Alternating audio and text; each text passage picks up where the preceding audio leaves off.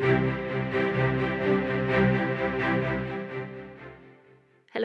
my name is Liva Bonnevie, and this is episode 6 from Clan of the Horses, a podcast about horses and horse people.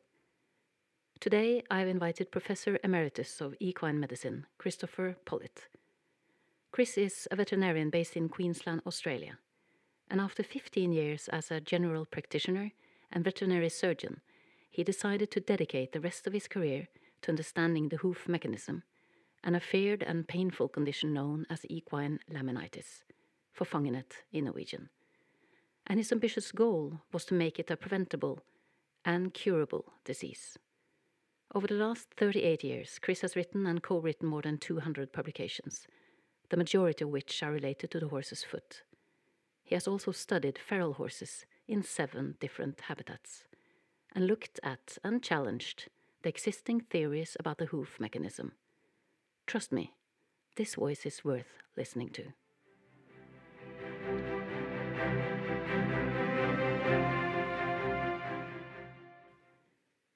We most certainly have important issues to cover today, so I'm not going to waste much time on formalities, but I do want to welcome you to the Clan of the Horses podcast, Professor Chris Pollitt. And I was wondering if you could start off by giving us an insight in how this all started for you this lifelong interest in the hoof mechanism and the hoof's pathology. Well, thank you for the uh, op- uh, opportunity to, to speak to you, Liv, and uh, to your audience in Norway and perhaps the rest of the world, because this is my favorite subject.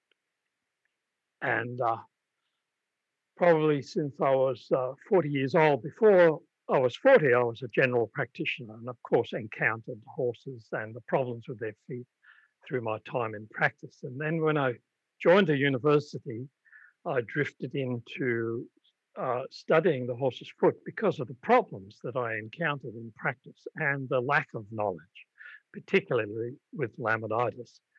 And trying to study laminitis brought all, me always back to the foundation of pathology, which is understanding the anatomy.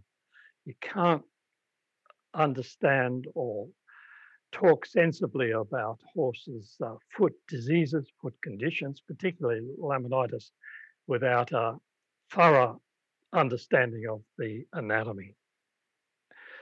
So that led me down a path where I, I've become not just an expert on laminitis, but uh, I have uh, come to understand the horse's foot like I would not have believed 30, 40 years ago. There's so many intricate, wonderful details that have uh, uh presented themselves to me that I'm still in wonder about the uh, how it operates and how uh, what a achievement it is of evolution to produce this single hoof surrounding the bone inside, uh, which is attached to the rest of the skeleton and the rest of the wonderful apparatus that uh, allows a horse to gallop uh, through the forests in Norway and over the central Australian deserts if they're feral here. So the study of laminitis and the study of anatomy have gone hand in hand. And uh, I know we're going to finish on this subject, but it, it took me when a particular PhD student came to me and asked about barefoot horses and asked about what happens with uh, feral horses, wild horses, who's looking after their feet. Uh, what sort of feet are they? Are they the natural paradigm that we should be aiming for with our domestic horses? And that took us, Brian Hampson and I, into seven, seven different habitats for wild horses, feral horses. And one of them in particular was the Central Australian desert, which is tough for horses. It's a very harsh environment. Every seven years in that harsh environment, it's raining. It's raining in the Central Desert as we speak. There's been inches and inches of rain. And I know that the grass in that country will be above the horses' fetlocks within a few weeks. And the horses will go from being very thin, for the mares losing their foals from malnutrition, to suddenly blooming with shiny hair coats. And there'll be a foal crop in the next uh, 18 months or so, which will rival what we can achieve in the very best uh, reproductive facilities amongst domestic horses. And that's how well adapted horses are through the thousands, millions of years of their evolution to surviving in this uh, huge variety of habitats. Because some of the horses we studied were in the uh, mountains of central New Zealand, the so-called Kaimanawa horses, where they have lush pasture and uh, plenty to eat and never run out of um, food, always have access to water, don't have to travel long distances, and their feet live are terrible. They're just uh, pathological disasters. So these are horses that uh, don't have to travel long distance, are not trimming and wearing their hooves themselves. So the, the thing that I learned in particular, it happened one morning, if I can paint a picture for you. I'd, uh, I'd camped out in the desert um, by myself with my camera um, in my swag, which is a rolled up uh, bedroll. And so I was quite self sufficient on the edge of a, uh, uh, of a of a trail or a, a, pad, as we call them, where horses were going to uh, travel. And I was halfway between a spring of permanent water and food 10 kilometers away. So all of these horses had to come to water and travel 20 kilometers every third day. So they had no water for three days. You know, looking after domestic horses, you'd be prosecuted for keeping horses off water for, for three days. You'd be prosecuted. It would be considered cruelty. But these well adapted feral de- desert horses had to do that. And the mares were, of course, feeding their newborn foals. So they're losing fluid from their bodies to the foal. And they're all having to get some food to maintain their own nutrition, their own energy levels and then walk back to the water. So I was camped in my swag through the night, halfway between the water and the food. And when I woke up in the morning uh, for the sun rising, I was busy filming everything. And the horses started to come along these trails towards me. And I filmed them going by. And I heard something really special. So it wasn't just the footfall of the horses that I could hear. I could hear them brushing against rocks. And after they'd gone by, I went to the rocks on the edges of this pad, this trail, and the edges of the rocks, and they're sharp edged rocks, but the edges of the rocks next to the trail were smooth, polished. On the other side, sharp edges. So these horses were going by and touching their hooves, and you could see the you could see keratin on the rocks. Uh, this is happening with virtually every step the horses take. It, uh, those horses were taking. So it dawned on me that these horses uh, in this particular environment had this type of feet that they had because of their environment. So the environment was shaping their hooves and the hooves were able to keep up with the wear and tear. Now, we don't know how many horses were lost to the population because their hooves couldn't keep up. Obviously, having to travel 40, 60 kilometers between food and water must have taken its toll on some, and they're gone from the population. And I can show you material, and, and many of your listeners uh, might have might well know this because Brian and I have toured Norway and we've spoken at several seminars two or three years ago. And uh, we've presented all of this work. Brian has presented his work in Norway, as as have I.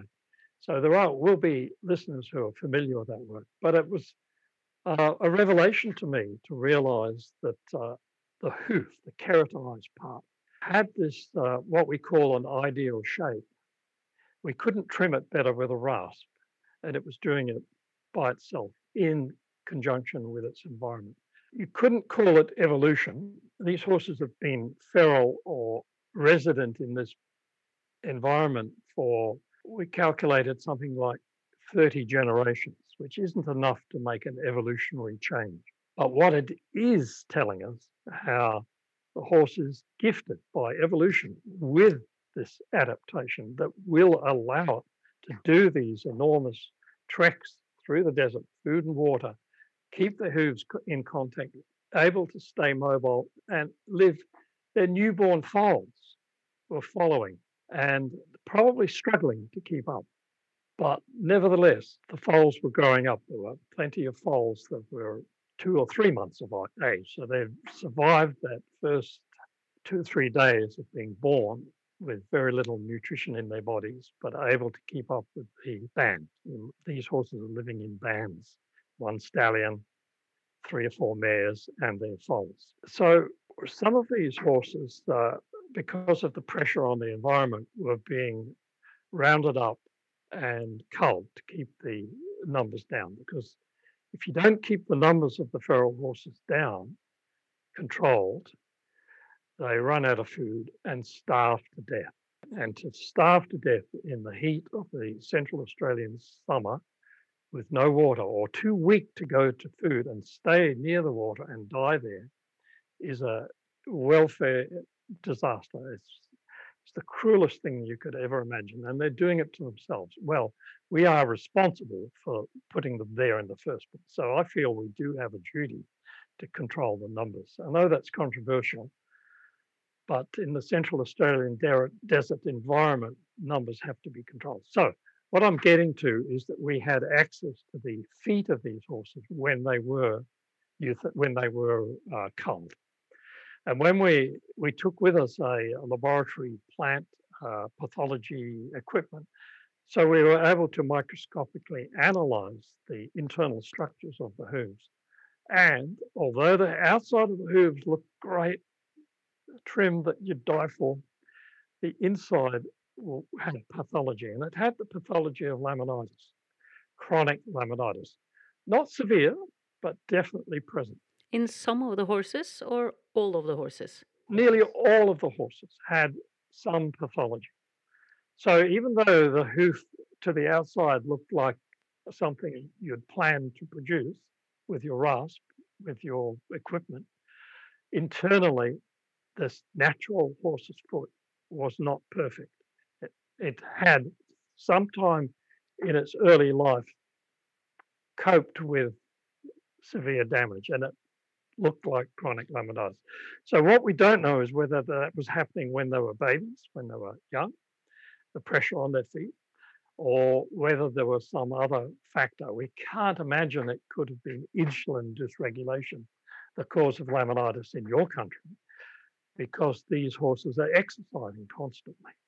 So that cannot, even though they do get fairly fat in the good times, we can't anticipate insulin ever being a factor. So they could have had access to, it's hard to imagine, uh, uh, carbohydrate rich pasture sufficient to give them some sort of hindgut carbohydrate overload laminitis. So it's a mystery.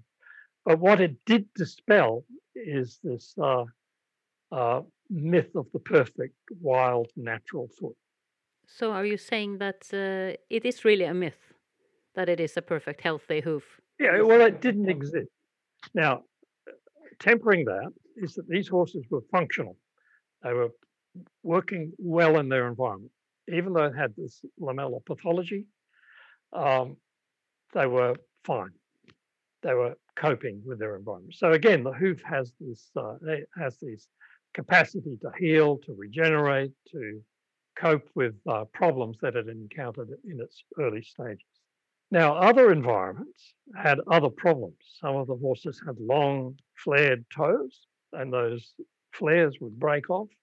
And these were horses in wet environments that uh, perhaps uh, well, so wet in terms of soft sand that uh, the uh, the hooves had no capacity to wear their toes to the shape that the desert horses have.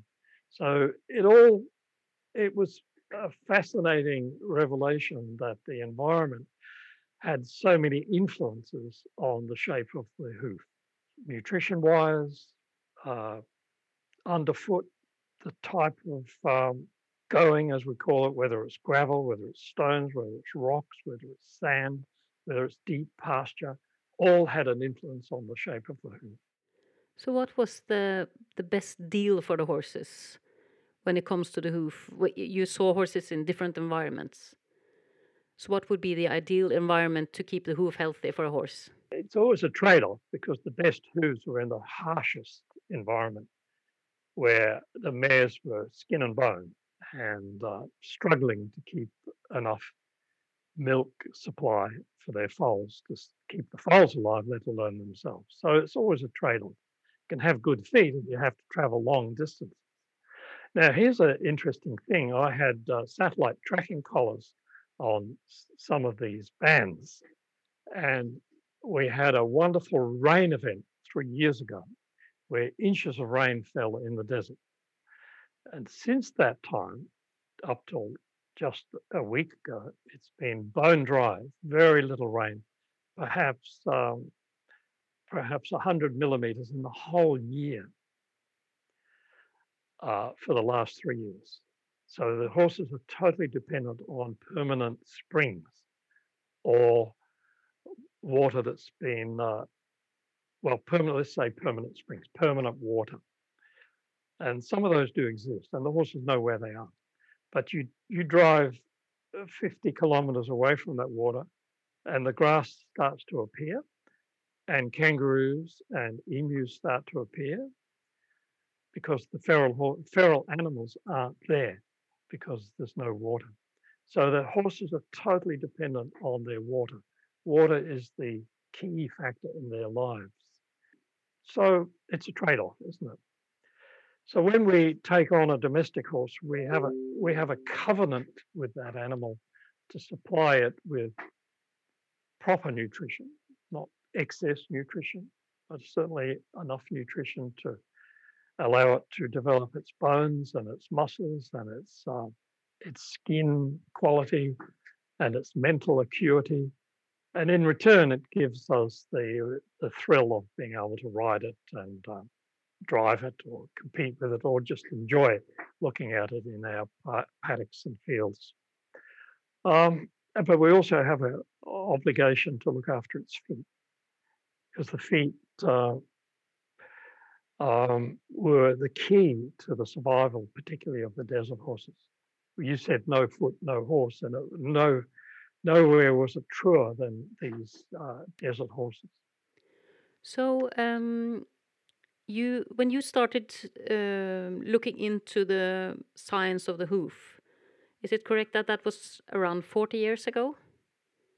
Yeah, yeah, yeah. This uh, study of the feral horses' feet was fairly recent, last five or six years. And it was 100, 100 horses or something? Uh, yeah, we had 100 feet that we could analyze with the microscope. You know, we looked at a lot more and filmed a lot more. Um, but uh, 100 was, as you read in the in the published papers, 100 was the number. That was, you know, significant number to analyze. But Okay, my studies of the horse's foot go back uh, uh, 38 years. 38 years. So, yeah, yeah. Uh, I'm just calculating when I started and uh, my recent birthday. So um, I started when I was 40 and now I'm 78. So that's 38 years. And what a journey it's been. Um, and I've been fortunate along the path of this career to have met individuals that have influenced me greatly and supplied me with uh, uh, wonderful assistance in understanding the process. I've had some uh, uh, excellent postgraduate students who've collaborated with me, and together we've developed and discovered new information about the anatomy and the functioning of the horse's uh, foot. Notice I say foot rather than hoof. Uh, uh, people, there's a bit of a mix up about the word hoof and foot. To some people, the hoof is just the keratinized capsule. So you could take the you could take the hoof off. I mean, you can see this. This is a, this is the hoof. It's the, the hoof capsule. I, I can see it, but my listeners will have a hard time seeing it. But know, it is a hoof capsule, yeah. I have the hoof capsule in my hand, uh, and that's just the keratinized portion. And and in the I don't know how it translates in Norwegian, but the, the hoof is also considered to be the foot in uh, perhaps uh, in general communications in general in lay language. But really, we're talking about the foot, which is everything, including the bones and the tendons uh, and the soft tissues inside, because they're all integrated. So I've been able to, with the help of some friends, translate from the early German and the early French. And uh, some of those early authors, Bouley in France in, in the 1800s, was uh, suggesting this uh, pumping function of the foot. And he realized, you know, over 120 years ago that uh, the heels expand with each um, load, with each footfall, when the horse is in its stance phase, uh, when it's walking, when it's trotting, when it's cantering. The bones inside the hoof compress the soft tissues from above, and the heels expand slightly, and the, the toe sinks inwards slightly, a few millimeters. But that happens with every footfall. And it isn't enough for the arteries fed by the pumping of the heart to push the blood back to the heart. There's no way for that blood to return to the heart. The heart does not suck, so there's no negative pressure bringing the blood back. And this is why that expanding and contracting, that movement of the soft tissues inside the hoof capsule is so vitally important because that drives the blood out of the veins, up the leg, not allowing it to flow back because of the valves in those veins. And so the blood will be returned to the heart very efficiently. You're going to make notes. Yeah, now I just uh, found a pen and paper here because this is really the key the hoof mechanism. This author, Bouley in France, uh, he wrote about that. And it's, it's as true today as it was then. But I've been fortunate enough to be able to take that information and work on it and expand it a little bit further.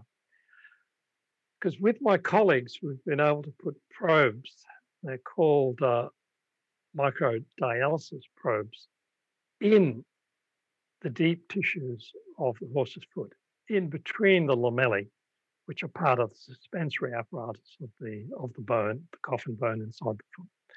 And we can measure whether or not there is perfusion. If the horse is standing dead still, we can drain fluid from the lamellae and analyze it in real time, a few minutes later. If the horse is made to stand absolutely still, the energy in the uh, fluid surrounding these vital connecting tissues starts to decline. And lactic acid, the end products of metabolism, start to build up. So, in other words, there is stress developing. Uh, I use the word stress in a very in a very loose way here. Uh, what's the better term? The, the tissues are becoming, um, they're choking, they're becoming starved, they're becoming uh, compromised. That's better, compromised by standing absolutely still. Uh, we forced horses to do this by lifting one leg so they can't move the other foot.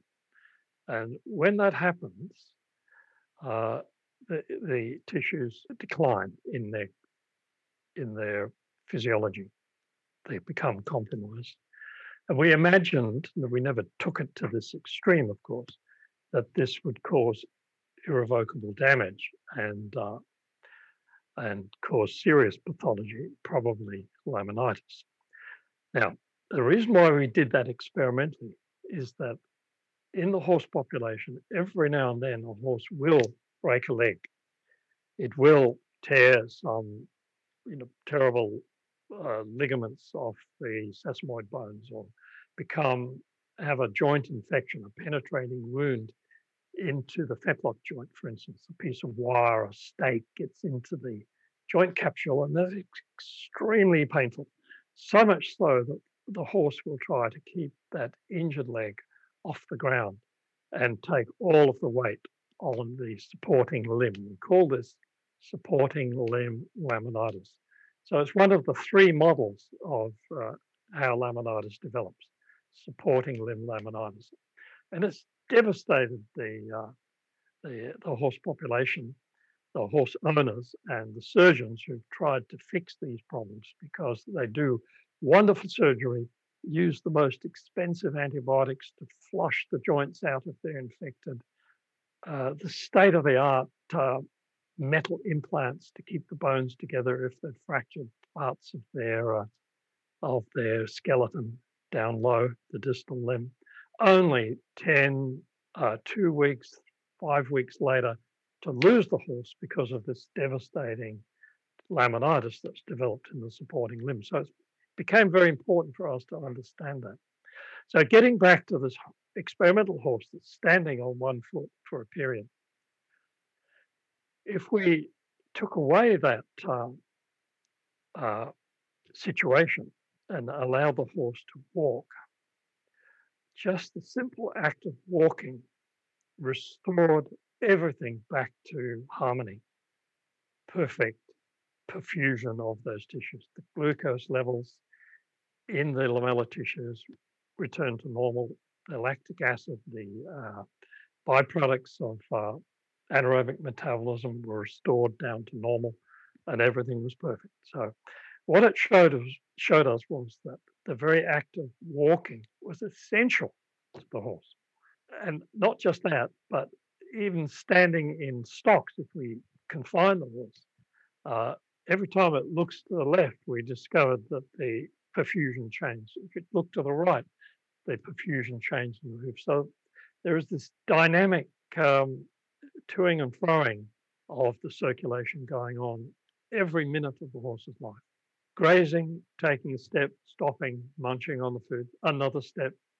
So in the fields, in the paddocks, the horse is circulating the, the blood through its feet, supplying the vital energy. You've got to remember what the function of the blood supply is. And uh, if I don't know how much time we've got, but we've uh, got plenty. you're allowing me to uh, um, travel off on tangents, but uh, to me they're vitally interesting. So, but to me too. So uh, no worries. am, I, am I allowed to do this? Maybe we'll have to have more podcasts in the future, or other people that have worked on this that I can suggest. But I, but I think it is really important for people to understand the hoof mechanism and how.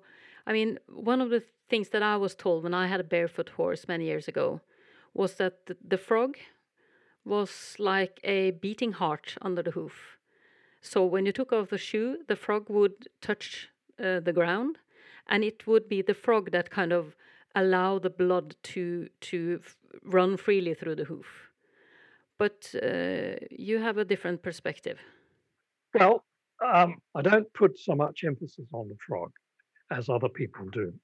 Um, because I've seen over my career many horses where the frog cannot touch the ground because of the shape of the foot. They're contracted heels, whatever. The horses are fine. They're doing hundreds of miles of endurance competition with no foot problems whatsoever. So I've seen the whole range of foot conformations and tried to look for the consequences of what many would consider something that needs correcting.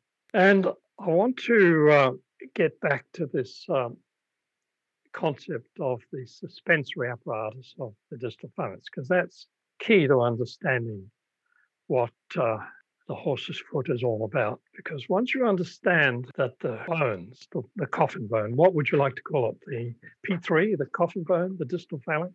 Yeah, I think people know at least we're talking about the bones connected to the hoof.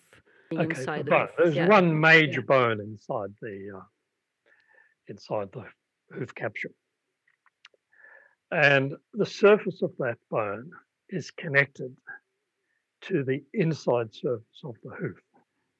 And to make that inside surface efficient, the inside surface is not a, a smooth surface, not a smooth um, uh, layer. The layer is folded like the pages of a book. And these small pages start at the heels, at the bars, and run all the way around the inside of the hoof. And from the distal phalanx, the bone inside the foot, are other tissues, connective tissues that connect to these lamellae from the inside. So you've got two interdigitating layers of what we call lamellae. Lamellae is the Latin word for leaves, almost like your name leaf. Um, so in the horse, these individual pages are subdivided uh, many times over into secondary pages or leaflets, if you like. So there's an enormous surface area for contact. And it's between these leaves that we have capillaries. And capillaries are the end tissues of the blood supply. The blood supply does nothing until it reaches the capillary bed. There's no exchange of oxygen, absorption of carbon dioxide, no delivery of energy from the blood supply until it's reached the capillaries. And the capillary bed uh, down in between the lamellae is enormous. It's equivalent to the brain in the power that it has to deliver energy to those lamellae. In fact, in the human brain, uh, I think it's 25% of all of the glucose that's just gone from your heart with the carotid through the carotid arch to your brain. By the time it's come back a few seconds later, 30% of the glucose has been taken up by your brain function. Now, the horse's foot is doing a similar thing. But interestingly, in the horse, the foot takes up more than its brain. Might say something about the brain of the horse. You know, I love horses, and, and the brain of the horse is just perfect for what it's been uh, evolved to do. Uh, you know, they're not smart. They're not. Uh, you know, they don't solve problems. They don't think about the future. But to survive in their environment, they're perfect. And that's what I see. This perfect animal able to do the multitude of wonderful things that it can do. I mean, for goodness sake, why would a horse jump over a two meter fence with somebody sitting on its back if it didn't have this uh, ability to understand what the human was wanting from it sitting on its back? So they have these wonderful adaptations that we exploit for our um, our pleasure and our artistic sensibilities. But getting back to this energy supply, so it's vital that the bone is moving inside the hoof capsule because without movement, uh, the capillary bed won't be massaged in such a way that the plasma that contains the glucose won't reach the living cells on the inside of the hoof. Now, to, to maintain Um, imagine, you know, you've got a 500, 600 kilo, if it's a big warm blood, on top of this skeleton, down to this bone inside the foot. You've got this enormous animal above this bone. And when it's galloping, the forces on that bone double, triple with each loaded foot. So there's an enormous load of strain and stress between bone and hoof. And how's that achieved? To do that, you need the consumption of energy to keep things attached to each other. It's constant metabolism, requires constant metabolism, and the fuel for that metabolism is glucose, not oxygen. It's glucose. And glucose passes from the the contents of the capillary, the plasma, the serum, the plasma, and then into the cell. And these are the living cells of the hoof capsule itself, which is reliant on the blood supply on the other side of its um, of its compartment for the energy. And then, you know, the hoof itself is dead, except at the coronary band where it's growing, and of course on the lamellar side where this attachment process is taking place. So this suspension and the maintenance of this attachment requiring energy also requires circulation. So as I've hinted, we've got inside knowledge, intimate knowledge of how that circulation is working by putting these tiny little probes that we can sample what events are taking place inside the lamellae. So getting back to the frog, frog really has nothing to do with this um, circulatory process that I'm talking about. What is vitally important is that that bone is moving inside the hoof capsule ever so slightly or to, to a large extent if the horse is moving fast, galloping, etc., with a rider on its back.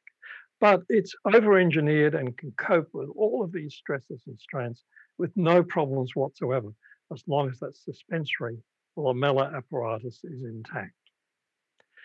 So, uh, putting the uh, trimming trimming the heels or lowering the heels to put the frog on the ground has probably done, and I'm quoting a veterinarian here from 100 years ago, who, when this idea first was proposed from the Royal Veterinary College in London, other knowledgeable people about the horse's foot said that this person who proposed that the heels and the bars should be cut so that the frog is placed on the ground, he said it did more damage, set the farriery industry back further than any other problem the horse has ever encountered. And it set the veterinary profession back, uh, goodness knows how many years, until that idea was uh, corrected. So to me, the horse is like a, the foot is like a heart. It does depend on compression and uh, movement for the blood to be returned to the heart.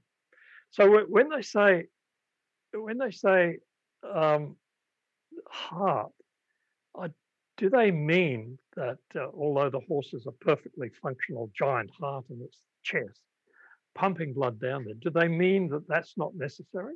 I don't think so. I don't really know what they mean when they say it's a heart, but certainly that movement and the squeezing of the digital cushion against the cartilages, the you know, lateral or ungual cartilages, against the hoof and against the tight skin of the, of the pastern, that loading and squeezing and the expansion of the heels is vitally important to return the blood to the heart.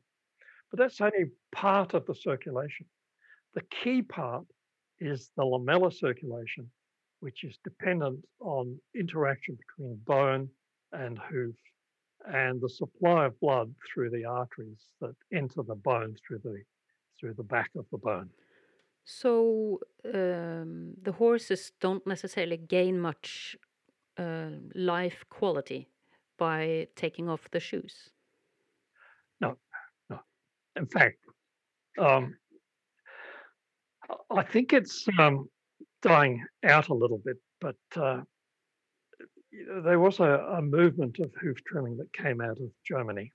I'm going to interrupt the interview with Chris Pollitt at this point because um, I discovered that Chris was really reluctant of naming this method by its real name. So I said that uh, as the editor of this podcast, uh, I think it is vital that we do actually have some sort of transparency when it comes to the topics that we talk about. So instead of having him naming the method, which I for sure uh, can respect that he would rather not do uh, as a respectful gesture towards his peers, I name the method as the Strasser method. And for sure, if you have any experience with barefoot horses, this would come as no surprise based on the interview that follows. But um, but I have to say that I appreciate that quality with Chris that he is not going after anybody, and neither am I. But I well, sort of going after something. I'm going after the truth about hoof mechanism, and I think it is it is relevant to be transparent about which methods we are in fact talking about and what kind of trimming we are in fact talking about. So, just a little editorial note and back to the interview. It came out of Germany, and I, I think even German, let's call them caregivers, the caregivers to the horse's foot eh, around the world have backed off from what uh, the Strasser method was advocating which was lowering the heels, putting the frog on the ground, and changing the palmar angle. You know, here's the thing about all of the 100 horses that we looked at from those environments, all the feral horses, none of them had a negative or uh, zero palmar angle of the bone inside the hoof capsule. And one of the things the Strasser method was advocating was that the heel should be lowered so that the bone was parallel to the ground. And none of those feral horses ever had that. They all had seven degrees, plus or minus a couple. So it's just not a thing that should be uh, countenanced. But if we assume that barefoot trimming has evolved since then? Yeah, yeah. And, and people have come to realize that you can harm horses by um, taking off too much of the wall. Uh, too much of the heels and leaving them on hard ground. And they will lie down after three or four days because it hurts so much. And uh, sometimes you can trim the sole and see where the the bone, the distal phalanx, has uh, cut through the tissues because it's being pushed up from below. I'm a believer that the wall is the structure of the hoof that should make contact with the ground that takes the greater load. And the sole is a covering between the perimeters of the wall. Essential, of course, but it shouldn't be the main uh, weight bearing, load bearing structure of the hoof. That is something that the walls have been designed to do. Now, here's the, here's the thing. If you take a coffee cup, a plastic coffee coffee cup, and stand it on the on the table and squeeze from above, you've got something like what's happening with the horse's foot. Because the bone is suspended inside the hoof capsule. And it's irrelevant what the sole is doing. No matter whether it, the sole could be standing on some deep sand, of course, and the sole is making contact with that deep sand as the wall sinks in. But above that, nothing changes. The bone is still suspended from the lamellae of the inner hoof wall.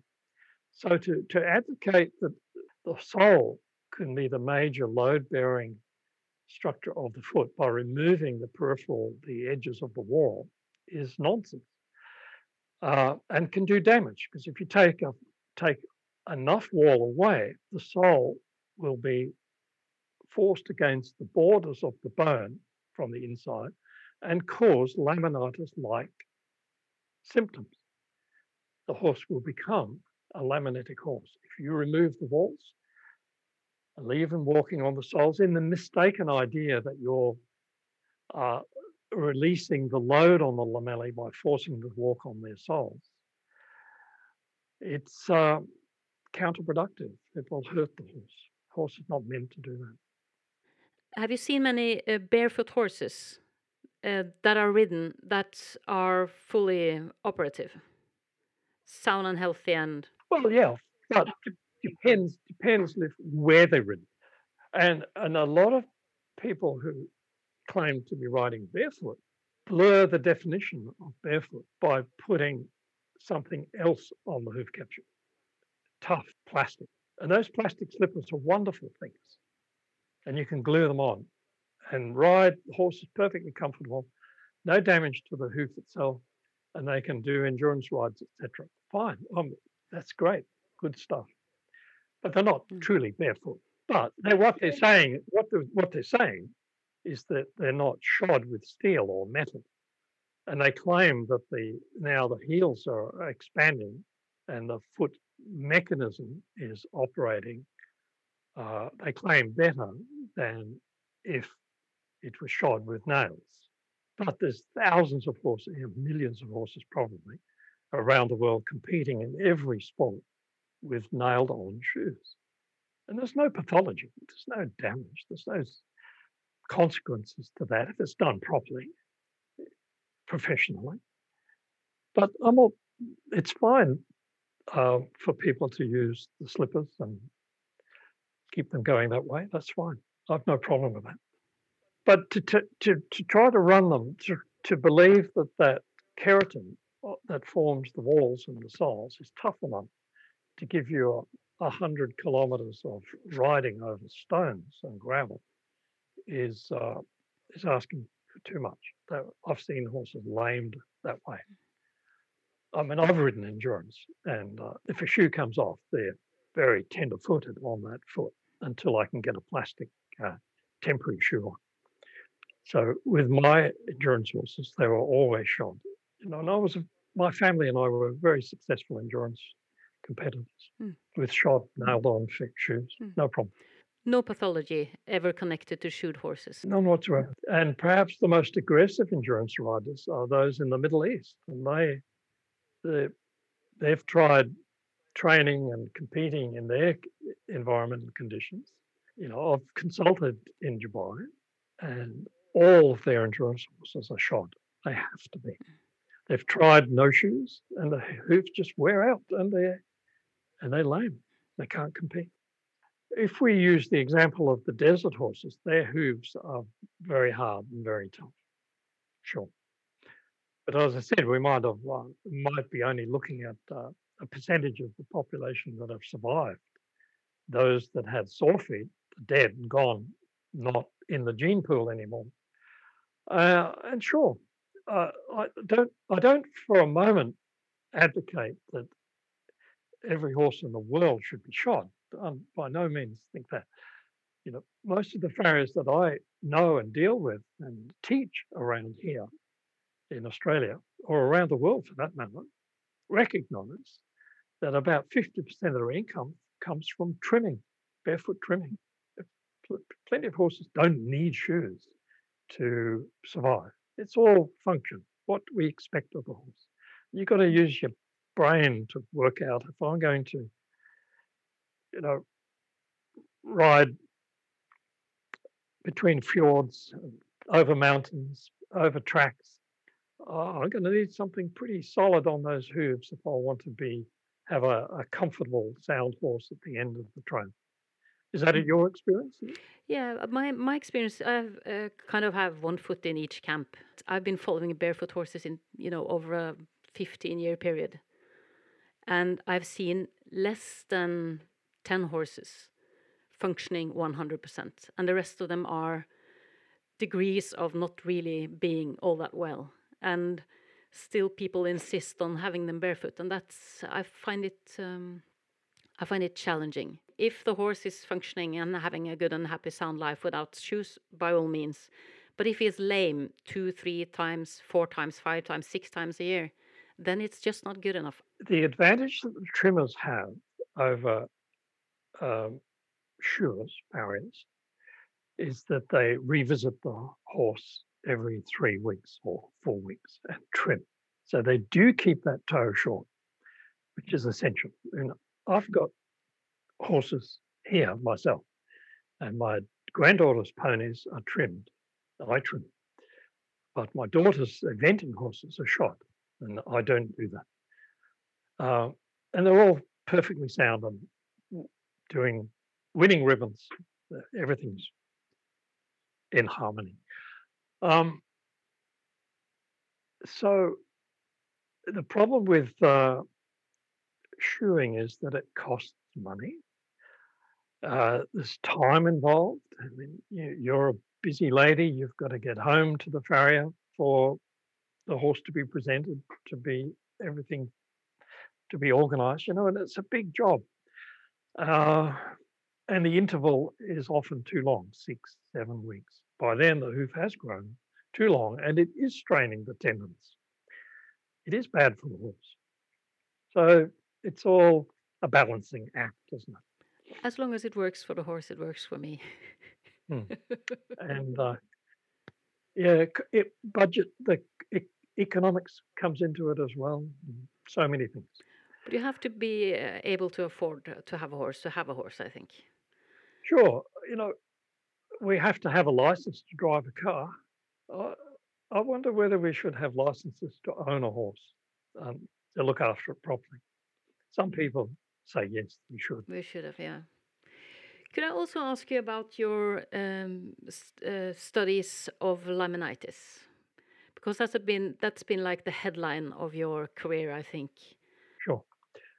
When I first started, it was very easy to find laminitis horses everywhere.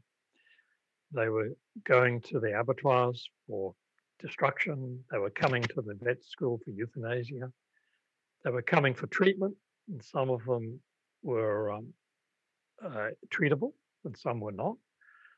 Um, uh, the partner farrier that I worked with, Keith Swan, and I used to run a clinic at the veterinary school, and we had cars and trailers parked, you know, down the highway, coming into our clinic for laminitis uh, treatment, corrective shoeing. But now it's almost a thing of the past.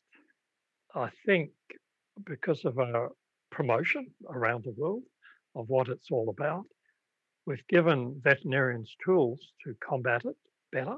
And particularly with the catastrophic surgery situation where a horse has severe gut problems, colitis or colic surgery, 10, 15% of those horses would go on to develop laminitis and die or be euthanized. They might recover from the colic or the colitis or whatever, metritis of the uterus, lung problems. And now they don't uh, because two things. Well, the most common form of laminitis is because of insulin dysregulation. And that's the feature of Norway, you know, your wonderful spring and autumn pastures where the temperature's dropping, sugars accumulating because of the low metabolism of the grass, but the sunshine and the um, grass is still uh, accumulating sugars. And you know, all of the laminitis I saw in Norway was due to insulin dysregulation. And it was a waste of time me talking to veterinarians about colic surgery complications because they rarely saw it. Um, now, the thing about the catastrophic, the sepsis related laminitis is that we realized that the horse is, uh, has this another wonderful evolutionary adaptation live on top of the wonderful suspensory apparatus and that wonderful hoof, the most evolved um, skin or integument uh, piece of evolution in the mammalian kingdom, not a, not mammalian kingdom, the animal kingdom, because the bird's feather is a wonderful piece of keratin design from evolution, and the hoof is equal to that in its complexity. So when horses are in their natural environment, of course, as you would know in the north, that sometimes their feet must be extremely cold. They're standing in water with everything else frozen around, grazing grass, rushes on the water's edge, or deep snow, which is slushy, etc. So they never seem to suffer any discomfort. I mean, you and I would be wearing gloves and special boots to survive uh, above the Arctic Circle. Horses have no problem. So, what is it about their feet that allows that? And uh, one of the earliest things I discovered was that they do have this uh, extra component to their circulation in their foot called an arteriovenous shunt, which is controlled by the brain. And the horse can turn, switch on a heating mechanism to their foot within minutes of reaching of the brain receiving signals from the foot telling it that the temperature is getting critically low, critically. If it gets any lower, you're going to have life threatening damage. So the hoof just switches on this extra blood supply. And that arterial blood that should be going to the capillaries for nutrition is switched off for a moment and it goes to these things called arteriovenous shunts. So now about 80% of the blood in the horse's foot is in the veins. So now suddenly the horse can heat those veins and flood the foot with hot blood and the temperature will come right up again. And the horse is oblivious to this. It's just perfectly comfortable with one foot that's 25 degrees and another foot that's two degrees. No discomfort in either one. They can be out of sync or that this can be happening together. Now, my friend um, he helped me with this research. He, in the winter, I gave him, lent him some uh, data loggers and implanted, screwed these little probes onto the feet. So he has helped me gather this information because during those those extremes in in in the weather, um, the ambient temperature could be minus 15, but the hoof never goes below two or three degrees Celsius. And at the same time, one foot could be 25 and one foot could be two or three degrees. So we know that horses are tolerant of the cold. Doesn't cause any welfare issues whatsoever. No discomfort, no frostbite. You've never seen a horse with frostbite of its feet. The Antarctic explorers down here in the southern hemispheres took Icelandic ponies to the South Pole, or tried to. They didn't succeed, but that was because of nutrition, not any problem with their feet. So I realized that uh, back here in Queensland, where the temperature outside is nearly 30 degrees at the moment, and it's still early in the morning, that I could stand a horse's leg in a rubber boot up to its knee with ice cubes and water. And that horse would stand perfectly happy for two days, three days with that foot, with that water surrounding its leg and hoof and foot uh, at about two degrees Celsius with no discomfort whatsoever. While the other foot, which is out in the air, the temperature of the hoof itself might have been 25 degrees. The temperature of the hoof in the cold boot was uh, five degrees. So, what, what would happen if we clearly the metabolism, if the tissues in that foot are at five degrees, surely their metabolism is under control. It's not dead, but it's certainly suppressed. And surely because I'd realized that laminitis is a metabolic process, a normal process gone wrong, if we could halt or suppress the metabolism during laminitis, we might be able to prevent laminitis. And that's what we went on to do. We induced laminitis in horses with one cold foot, one hot foot. Only the hot foot got laminitis, never the cold foot. We went on to have all four feet in a big tub of cold water circulating. They stayed in that tub for four days all they wanted was more food, never tried to get out of the cold. And uh, the horses that didn't get that treatment all developed laminitis. The horses had perfect feet that uh, were in the water for four days. Four days. Even you can't do that with people. People can only mm. tolerate cold therapy for, for 20, 30 minutes. So why does that happen? So the horses have evolved this adaptation to withstand the cold. They survived the ice ages. Uh, so they're very well adapted to. The arteries divide at the fetlock, and so the arteries containing the hot blood can be cooled as the blood is going down to the foot. And then the whole hoof can be kept cold as well. So being able to treat horses with cold therapy distal limb cooling when they're sick in hospital, when not at other times they would have been euthanized, destroyed because they had laminitis. Now, the odds of them developing laminitis, and this has been proven by stats in big American equine hospitals, the chances of, of them surviving is about 95%, whereas it before it was way down uh, that they would uh, not survive uh, in any significant numbers. So it's a proven now established method that distal limb cooling stops laminitis in its tracks. But the problem, of course, is being able to anticipate that it's going to happen. That's the problem. And it's difficult. But you're talking about welfare. How many hospitals are prepared to put the welfare of the horse paramount over their own comfort and their own profit margin in hospitals? How many people are going to employ nurses and technicians to be with that horse round the clock for four days to keep the feet cool? And I can tell you, not many, not many. But the ones that do are successful. And that's why we've seen the incidence of that sort of laminitis.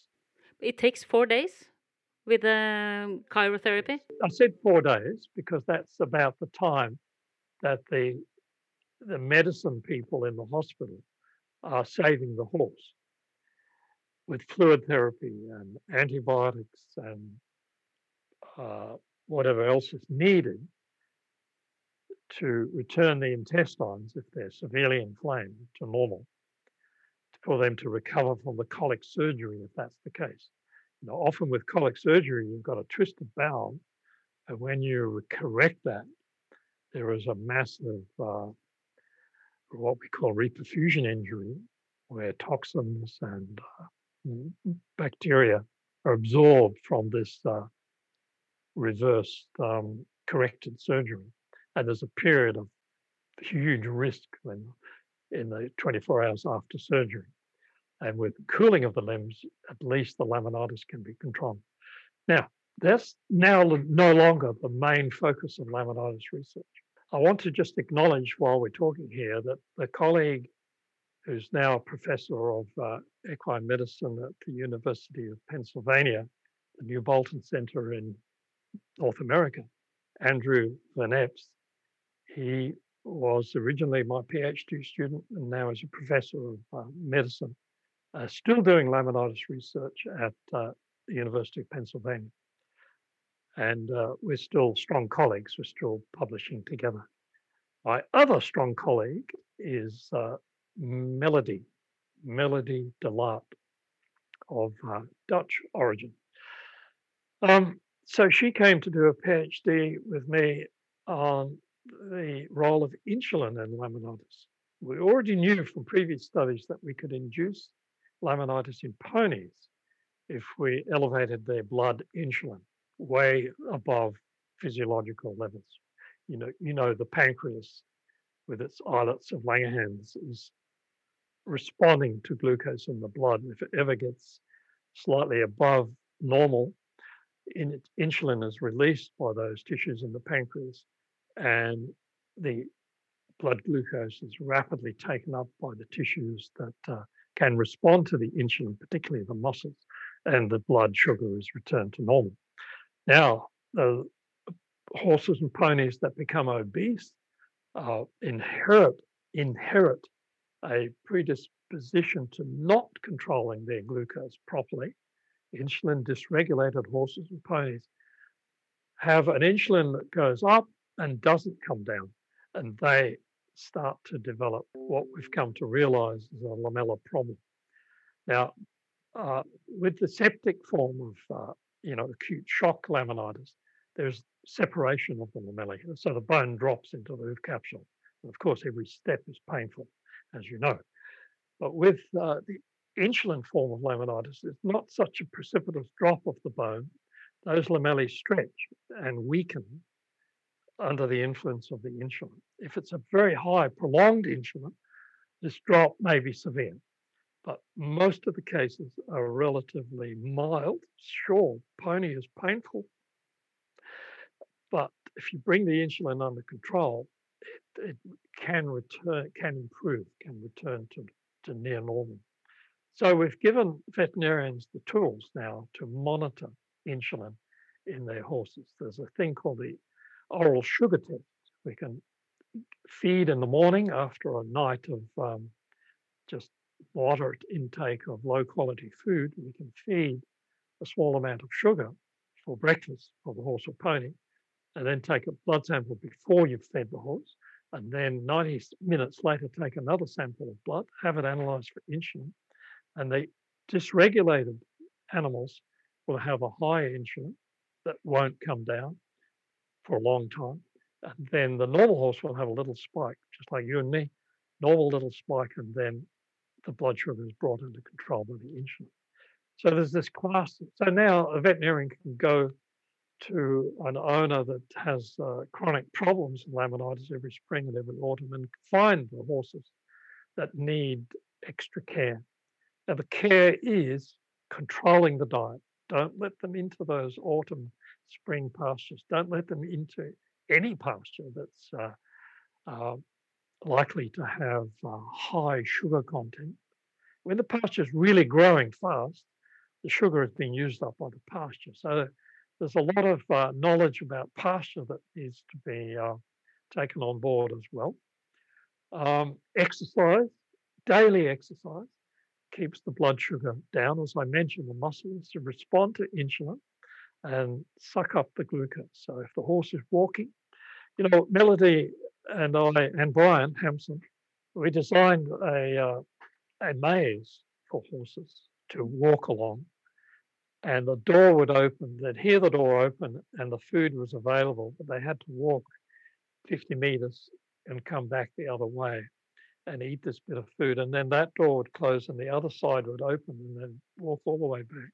And just that amount of walking, I'll show you the video if you like. I'll send you the link of that little video. It's cute. Um, and you'll meet uh, Melody uh, in the video. And uh, she speaks very well. She's a very good speaker. You should interview her. Uh, uh, uh, you should interview Brian too and Tuna Vian. I communicate with Tuna pretty frequently, uh, but I haven't for a little while.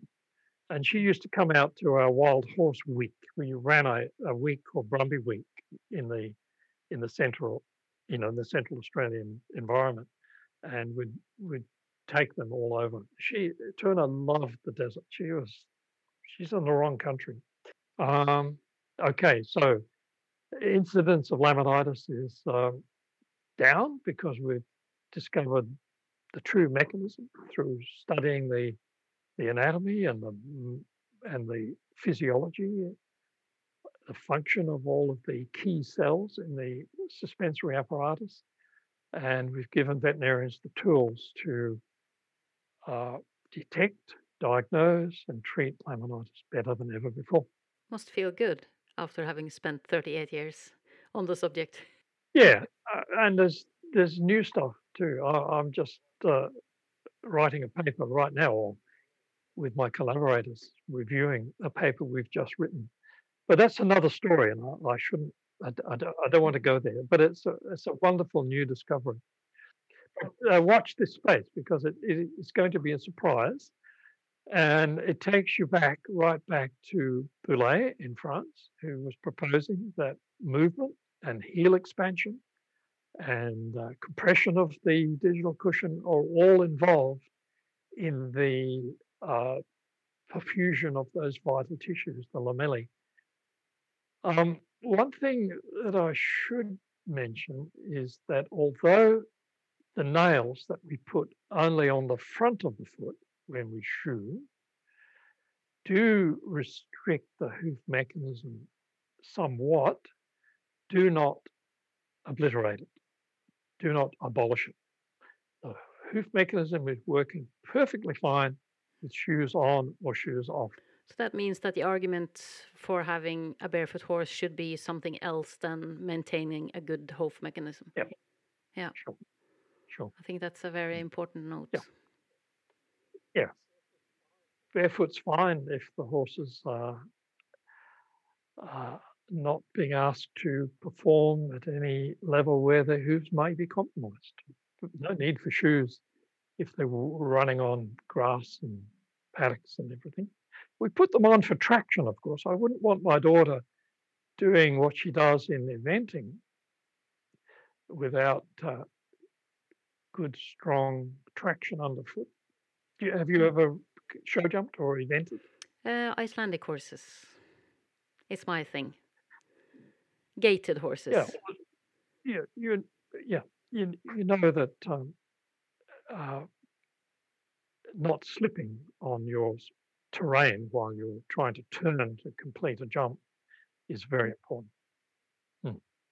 It's still slip, but uh, the chances are less if you've got a, a, a, a good shoe on and a well placed shoe um, and nice short hoof walls, not long toes. Mm. Could I ask you like a, a, final question? You've had a long career as a rider and as a veterinarian, specialized in hoofs. Um, is there one thing that, in particular, that you uh, that you think that it would be important for everybody who deals with horses to know?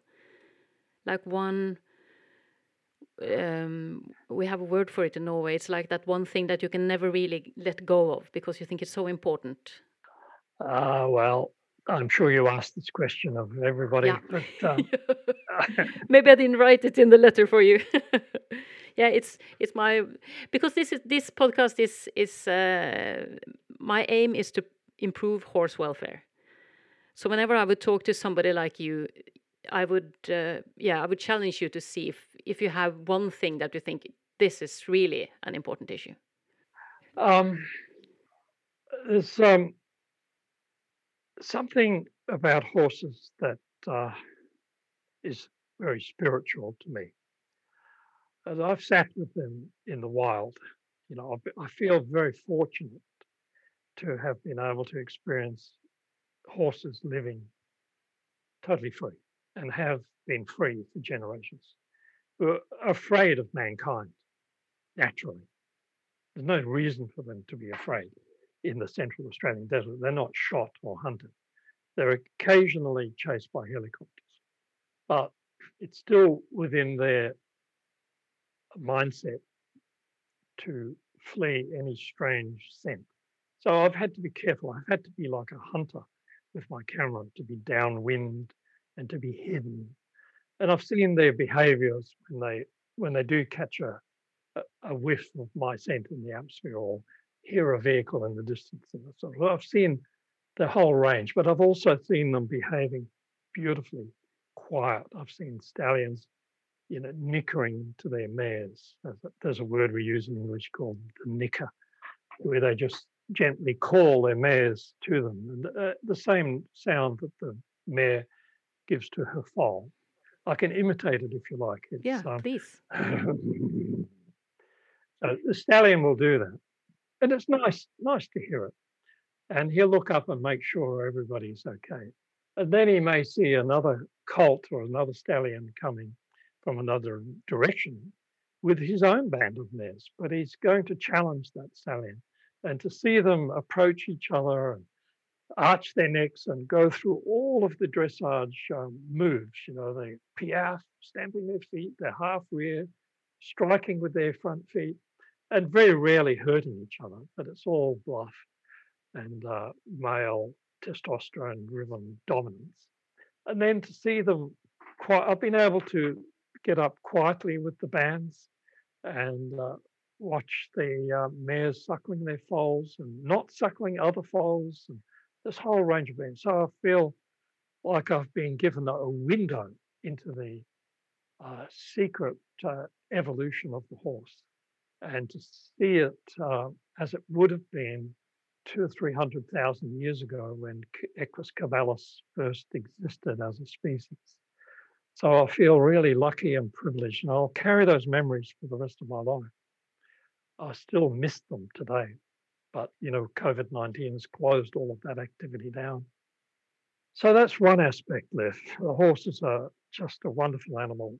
Uh, uh, with so many adaptations that we don't uh, recognize when they're just in the fields. You know, I can see my horses from here. All they're doing is eating. Uh, and I have to give them some hay later on. Maybe we'll ride them twice a week. What a life. Uh, so I've seen the other side of the coin uh, and recognized how many adaptations and I understand their mind better now. I understand why they shy when they see something strange on the ground when we're trotting along. I see why they uh, react to other horses. So I recommend to people, if they ever can, to study or at least experience horses behaving as horses naturally. It's wonderful. Um, but then, as you know, I've uh, tried to be an educator. I've educated over the, the years that I've been a teacher of equine medicine. I've edu- helped, attempted to educate probably thousands of students. Uh, I've got a grandson now who's only one and a half years of age, and he is more difficult to educate than these 20, 25 year old wonderful students who are studying veterinary science. He's more of a challenge, and I love it.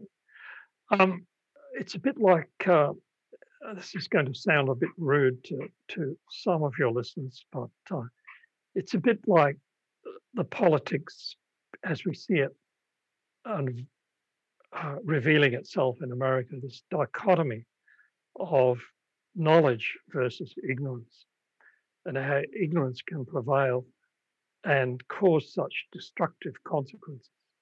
And in the welfare of horses, there's still so much ignorance that is strongly held by so many people, and they resist any suggestion that there's another way, another insight into true knowledge of the horse's foot.